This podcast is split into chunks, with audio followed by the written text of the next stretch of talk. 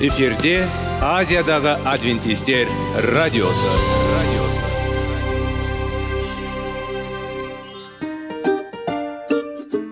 Сәлем достар. Денсаулық өмір бұлағы және біздің бірінші байлығымыз демекші денсаулық сағаты рубрикасына қош келдіңіздер. Біздің рубрикада біз әртүрлі факторларменен мәліметтерменен кеңестерменен бөлісіп шын жүректен сіздердің дендеріңіз сау болғанын қалаймыз. Сол үшін біздің рубрикаға қош келдіңіздер. Дайындалып тұрыңыздар. Өйткені келесі минуттарда қызықты фактілерге ие боласыздар. Енді достар ең бірінші байлығымызды қолымызға алып алға кеттік.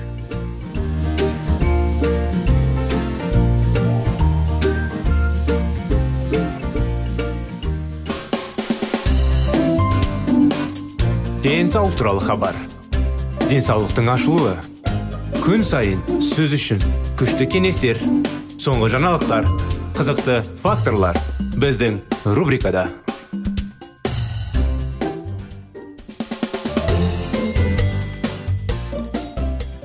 сәлем достар. Армысыздар құрметті радио тыңдаушыларымыз. Қалдарыңыз қалай? Мінекей біраз болды сіздермен бірге. Денсаулық сағат бағдарламасында денсаулықты қалай сақтау керек тақырыбын жалғастырудамыз. Өткен жолы естеріңізде кетсе естеріңізде болса шылым мен алкоголь жайлы анықтамаларды кішкене көтерген едік. Расында да олардың бағалары кезінде басқаша болды. Қазіргі уақытта олар енді әжептәуір бағалар көптеу. Бірақ онда да адамдар қолдарына сол нәрсені жеткізу үшін ақшаларын жұмсайды. Кейбіреулер күніне екі пачка шылым шегеді. Жиі ішімдік ішеді. Оның бәрі ақы тұрады ғой. Әрқайсысында жайлы анықтамаларда ол денсаулыққа зиян десе адамдар оны ести отырып оны қолдануға тырысады. Сонда не қызық деймін да не пайда одан. Өткенде сіздерге бір мысал келтірген едім өткен тақырыпта. Егер де сіз жақын арада қатты бір аурудан қайтыс болады деп сізге бір қалай енді ескерту жасаса мінекей өкінішке орай сізде осындай осындай бір ауру пайда болды. Сізге өмір сүруіңізге аз уақыт қалды дегенде сіз не істейсіз? Әрине жылап ер болсын қыз болсын жылап өкініп өзіңізді дұрыс қалыпқа сақтап өзіңізді қалай енді нашақорлықтан тезірек дереу тезірек аулатуға аулақ ұстатуға тырысып уақыт сол бар уақытты қолданып өмірім қайттан өз қалпына келіп денсаулығым қалпына келсін деп үміттеніп даже құдайға сиынасыз ғой. Мінекей неге оның бәрін алдын ала болдырмауға болмайды? Оған қолдарыңызды созбай оны алмай өзіңіз өзгертуге болады. Алкогольді орташа тұтыну. Адам ішетін адам қалыпты оқиды сол сияқты болған маскүнем. Шарапты қолдануға қатысты ескерту. Навдав пен авиудпен болған жағдай киелі кітапта сақтану үшін жазылған. Ол шарап адамның санасына зиянды әсер ететінін көрсетеді. Бір бұл әсер шарап оны қолданатын әрбір адамның санасына әсер етеді. Сондықтан құдай шарапты және басқа да күшті сусындарға қолдануға қатан тыйым салады көптеген адамдар шарапты ішіп ап көлікке отырады жолға шығады. Бір маңызды нәрселерді істеуге тырысады. Оның бәрі бос. Өзің бір керемет сезіне ма күштімін деп сезіне ма? Неге олай деймін да өздерін ойламайды басқаларды ойламайды. Менің тәжірибемде бір жақын арада бір оқиға болған еді. Жолда кетіп бара енді. Көгіл светофордан бұрылып енді басқа поворотқа бұрылайын деп жатсам оң жағымнан бір машина келе жатыр ұшып келе жатыр. Үлгеремін деп ойладым. Маған солға қарай бұрылу керек. Сөйтіп жарайды өтіп кетейін десем ана ұшып келе жатыр екен жарайды тоқтатып оны өткізіп жіберейін дедім. Ол машина ұшып келе жатты менің алдымда қатты тоқтады. Сөйтеді да табан астында солға қарай бұрылайын деп тұр. Енді мән бермедім оны күттім кішкене өтетін. Бір кезде бұрылып алдымнан өтіп солға қарай бұрылып жатыр ол. Мен оны жіберіп болған мен де солға бұрылуым керек одан кейін. Қарасам түрі қалай енді? Түрі де қалып жағдайда аса емес. Қолында темір бүтілге пивасы бар екен. Қалай қорықпайды деймін да? Қалай болса ол да көгілдір шамға енді қалай енді. Светофорға қарай жөнелді. Табан астында біреуді соғып қақып кетіп елдің бәрі осындай өз өзін бір керемет сезіне ма? Күштімін деп сезіне ма осындай жағдайлар үшін көптеген адамдар жарақатталады. Көптеген авариялар болады. Көптеген өлімдер болып отыр. Сондықтан сіздер денсаулықты өзіңізден бастасаңыз ішпеуді ол басқаларға пайдасына келеді. Өзіңізге де басқаларға да. Заң және біздің ақыл. Біз өз әдеттерімізді және ниетімізді бақылай алу үшін бізге өз санамды тәртіпке келтіру қажет. Бірақ алкоголь темекі және естірткі заттарын қолданудың қалыс салғандар ғана ойланып өзін өзі ұстай алады. Аса сезімтал органдарды қорғаңыз.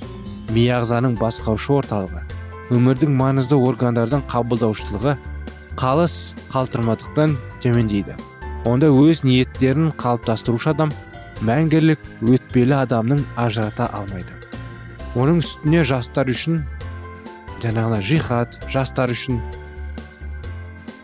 ондай нәрселер дұрыс емес маңыздылығын өзіңді ұстану мидың электр қуаты ақыл ой қызметі бүкіл ағзаның тіршілік әрекеті қамтамасыз етеді және аурудың қарсы тудыруға маңызды фактор болып табылады ері күші мен өзің өзі бақылау денсаулықты сақтап салуға ықпал ететінін меңгеру қажет.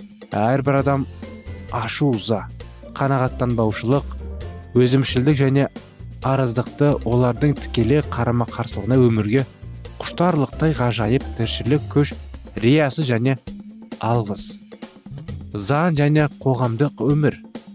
Кейбіреулер өздерінің мінез құлқымен айналысқандарға зиян келтірмейді деп санайды.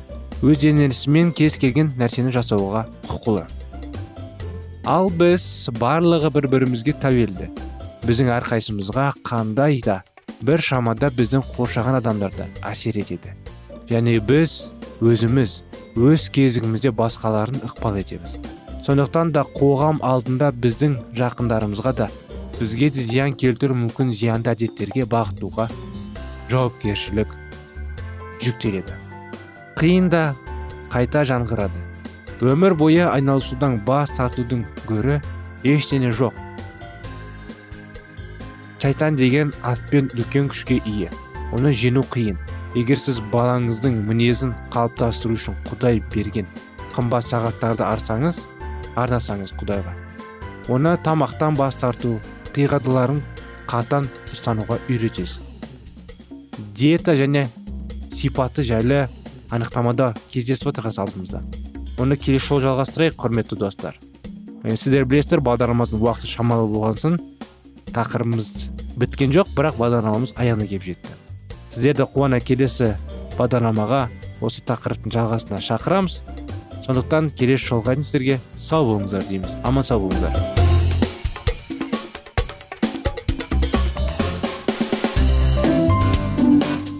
Денсаулық туралы хабар. Денсаулықтың ашылуы.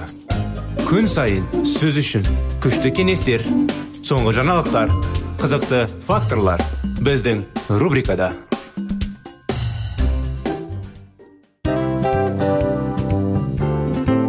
Әуелі байлық денсаулық екінші байлық он саулық үшінші байлық ақ жаулық ал енді осындай радио парақшадан кейін не дейміз?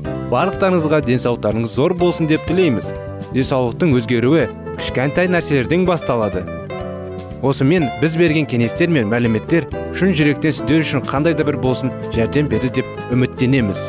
Тыңдаушыларымызбен келесі радио парақшасына дейін қоштассамыз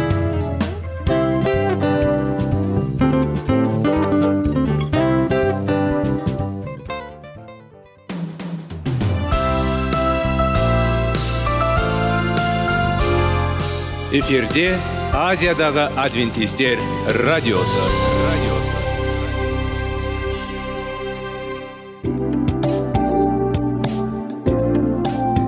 Сәлем достар. Барлықтарыңызға шын жүректен сөйлесек рубрикасына қош келдіңіздер деп айтпақшымыз.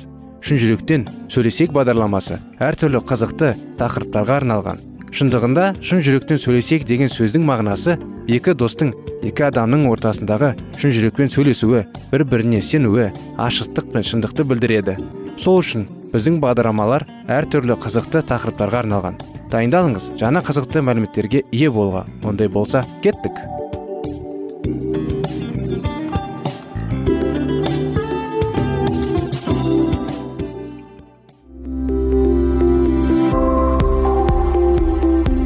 алтын сөздер.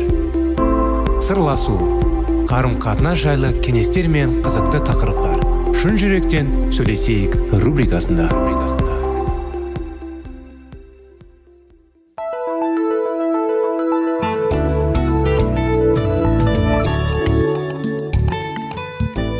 Адамдар әрдайым қарым қатынаста дос қарым қатынаста махаббат қарым қатынаста тәрбиелі. Сондықтан құрметті достар әрдайым адамдар бір бірін түсінуге тырысу керек. Әрине махаббат жөнінде жанұяда болсын. Соның бәрін дұрыс түсіну үшін біздің бағдарламада шын жүректен сөйлесейік. Бағдарламасында сіздердің назарларыңызға ұсынамыз. Ассалаумағалейкум сәлеметсіздер ме дейміз құрметті достар құрметті радио тыңдаушыларымыз. Мінекей сіздермен бірге 25 керемет неке жайлы тақырыптарын жалғастырудамыз. Бірінші тарауымызды бітіп сіздермен бірге екінші тарауға келдік. Екінші оқиға десек те болады. Бәрінен де мені асып түсті де. Дуайт және эмма моуди. Көптеген адамдар дуайт моуди жаңағы біледі екен оны. Билли грэм деп атауға болады. Таң қаларлық үмітсіз уағыздаушы ол атлантикадағы таң қалдырады. Жүздеген мың адамды иса мәсіхке әкеледі. Иә сіз дуайт моуди білесіз. Бірақ менің ойымша сіз әрқашан көлеңкеде қалауды қалайтын әйеліне эмма моуди туралы естігенсіз. Меніңше сізге ойынның сіз туралы олардың екеуінің де бірнеше көп мүмкін сізге дауыттың үйде болғанын таң қалдырады. Мүмкін сізді эммеде де таң қалдырады. Сіз оны түсінгендігіңізді көрсеткен сәтте сіз сізді таң қалдыратын нәрсені табасыз. Бірақ лютерге ұқсайтын жаңағындай мінез құлықпен осы қарапайым және ақылды әйел арасындағы неке қандай болды? Бұл одақта көп нәрсе керемет көрінеді. Моуди білетін әлемдегі жалғыз адам оның әйелі болды деп жазды биограф. Мүмкін бұл солай бірақ біреу екі талай тіпті моуди өзі эмма моуди білетін. Ол дуайт лаймен атын сирек пайдаланады. Және эмма қарама қарсы болды. Олардың ұлы паул. Жарқын контраст болып табылатын басқа екі адамды табу екі талай олар танысқан кезде ол қал енді импульсивті қолдаусыз беделді оппозиционерлер және тым білімді емес адам болды. Ол консервативті болды және барлық шарттарды қасиетті орындады. Әлде қайта жақсы білімді болды өте басталды мінез дәмі бар бірақ ол өте қарапайым болды. Және өте жақсы олар әртүрлі болды. Моуди сияқты екі адамды орналастыру үшін ешқандай үй жеткілікті кем болмайды бірақ эмма моуди осы отбасында кішігірім қосымша болған секілді ойланбаңыз ол жарқын тәуелсіз тұлға болды.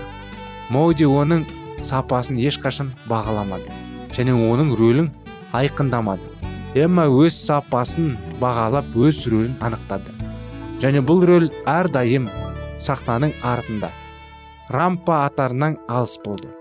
Ол мысалы үлкен аудиториялар алдында уағыздап кезінде уағыздау кезінде күйеуінің жағында пайда болудан бас тартты. Және ол үшін айыптады. Бірақ мансабының басында ол оның жұмысында керемет көмекші болды. Мен әсіресе қиын міндетке тап болған кезде деді. Мен оны әйеліме тапсырамын. Оның қабілетіңде назар аудару адамның онымен бірге әсер етіп мұндай жаңағындай қалай оның жайының сымының олар маған жай ғана қол жетімді емес. Ең танымал моуди браун журнал басберге және әскери атеист. Эмма моудидің қарапайым және ұстамды күш арқасында мәсіхші болды. Атлантиканың екі жағында уағыздаушы ретінде моудидің жетістіктері аңыз болды.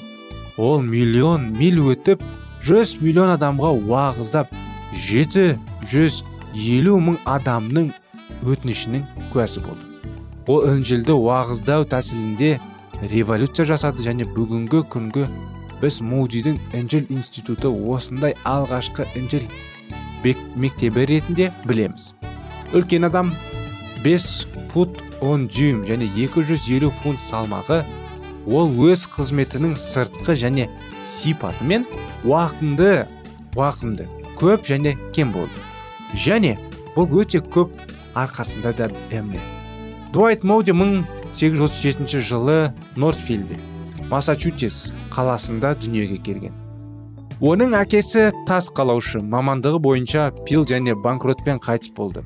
Дуайт тек төрт жыл болған төрт жаста болған кезде бетси моуди дауытты қос алғанда тоғыз баламен қалды. Нотфилден дауыт өз оқыған келі кітапты аз оқыған бірақ көп және қиын жұмыс істеген. Дауыт 17 жасқа толған кезде ол жаланаш нортфилдегі қарсы шығып бостонға барып аяқ киім дүкеніне жұмысқа орналасты. Ол үшін қабатта дүкенде түнеген. Сол кезде ол былай деп жазды. Мені қалай енді бөлмедегі үшінші қабаттағы мен қағдатта терезені сол жерде үш балшық үйді ашамын. Және онда осында әдемі қыздар және олар папа май сияқты мақ болды. Хатында ол асхана туралы да әңгімелейді. Онда 25 қалай енді адамдармен қызметші және көптеген қыздар және бізге салмаған. Әлбетте дауыттың қыздарымен қарым қатынас орфографиядан әлде қайда жақсы болды. Бірнеше ай бойы ол бостон шіркеуінің конгрегационалистер муант вернан жексенбілік мектебіне барды. Онда 30 жасар галантерейші эдвард кимбел сабақ берді. Бірде кимбел аяқ киімі дүкенінде моудидегі кіріп жігітті мәсіхке жүгінуге шақырды. Моуди қарсы емес болды. Бірақ бірнеше аптадан кейін ол шеркеудің мүшесі болғысы келмегенде ол бас тартты. Құтқарудың мәні неде екенін нашар түсінесің деді ол. Бір жыл өткен соң ағасы мен өз шіркеуіне қатты наразылығы сезініп ол теміржол бейнетас 5 доллар жұмысы және чикагода бақыт іздеуге аттанды осы оқиға аяқталмады әрине бұның жалғасын келесі жолы жалғастырамыз уақытымыз шамалы болғанымен келесі жолға дейін сау болыңыздар деймін сіздерге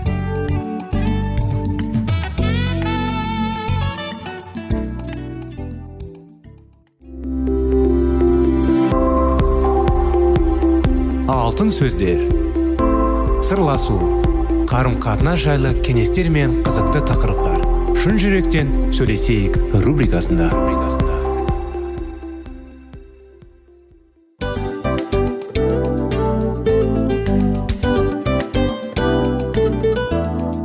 Құрметті достар барлық ең соңғы кеңестер аяқталған соң біздің программамыз соңына келіп қалды.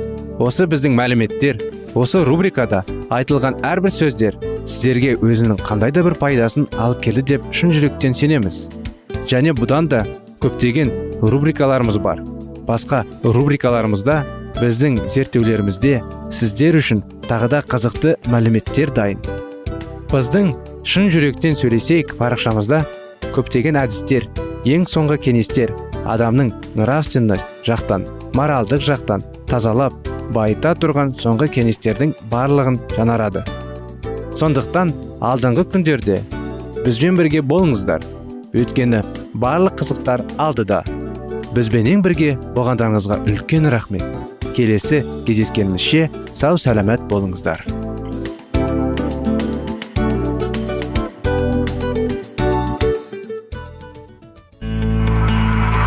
Жан дүниеңді байытқан жүрегіңді жаңғыртқан өмірдің мағынасын ойландырған рухани жаңғыру рубрикасы.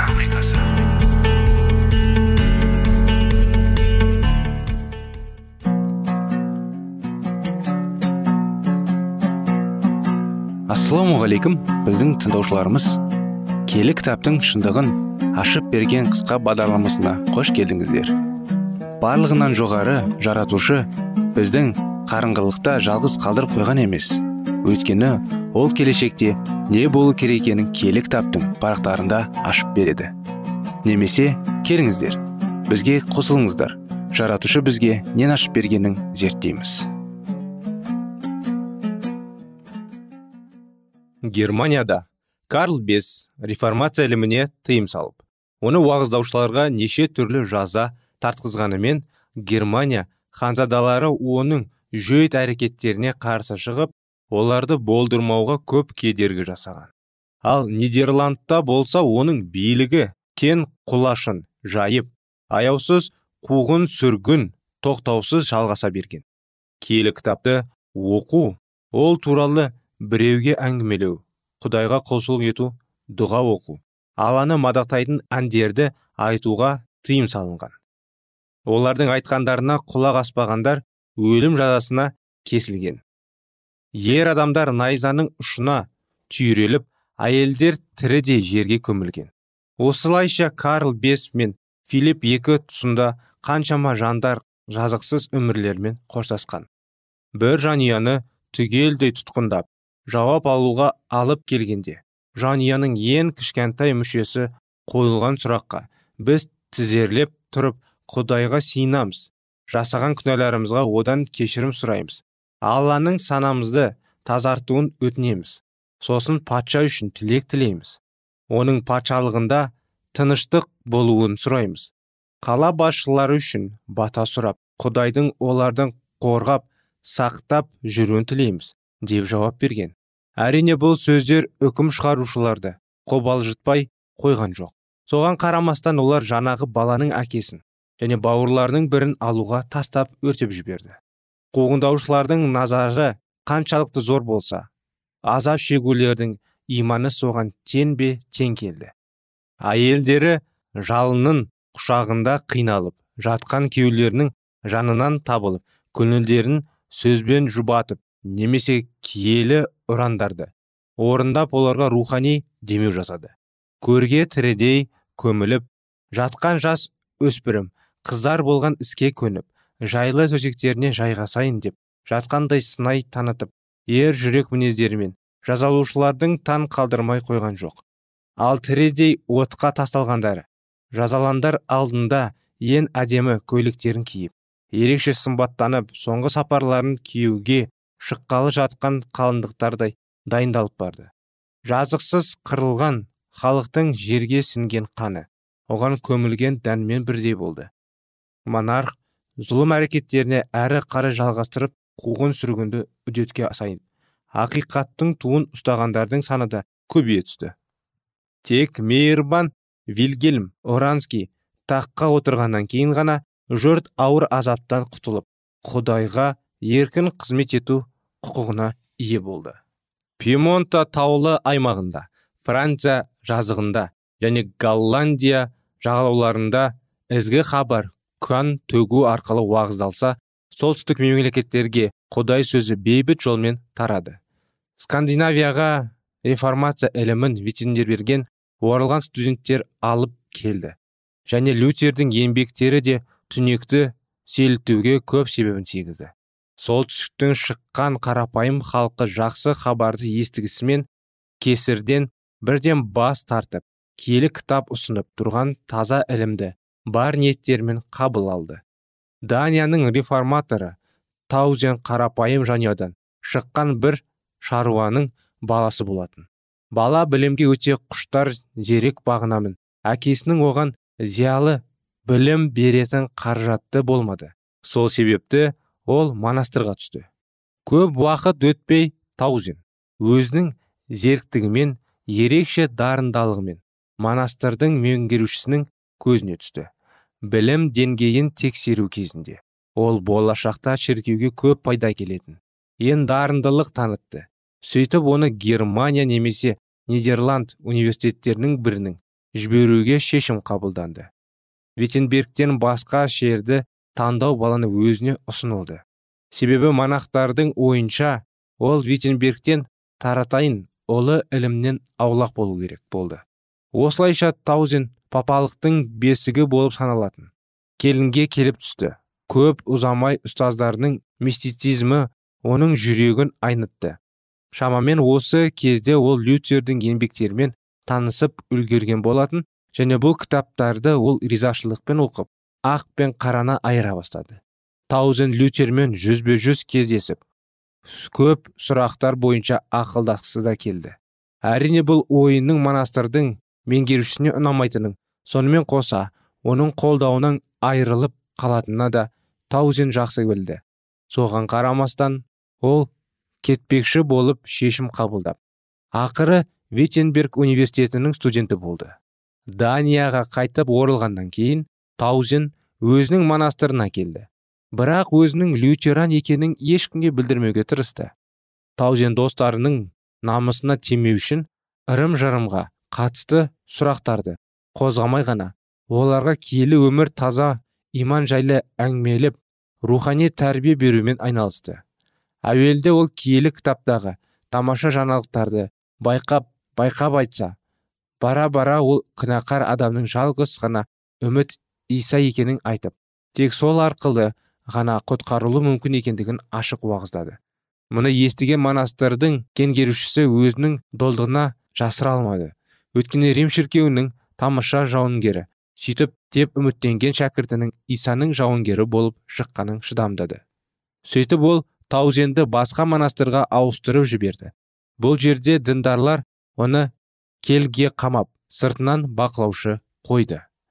Десе де таузен тордың арғы жағынан болса да ақиқат жайлы әңгіме айтуын тоқтатқан жоқ.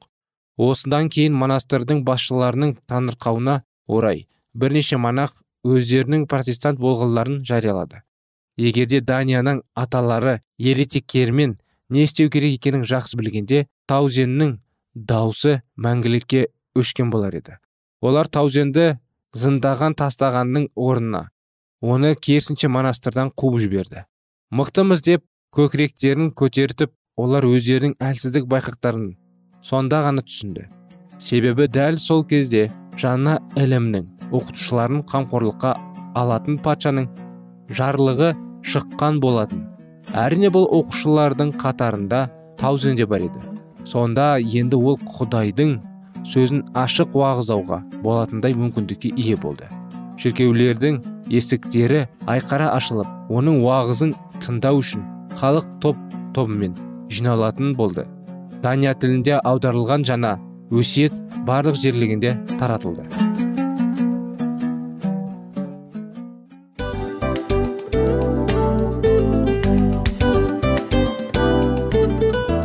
Достар біздің радио парақшамыз өзінің соңына келіп те қалды. Демек бұл программамыздың қорытындысын айта кету керек. Негізі істің басталып жатқаның қуанту керек пе? Әлде оның қорытындысы қуанту керек пе? Сіздер қалай ойлайсыздар? Меніңше қорытындысы деп ойлаймын.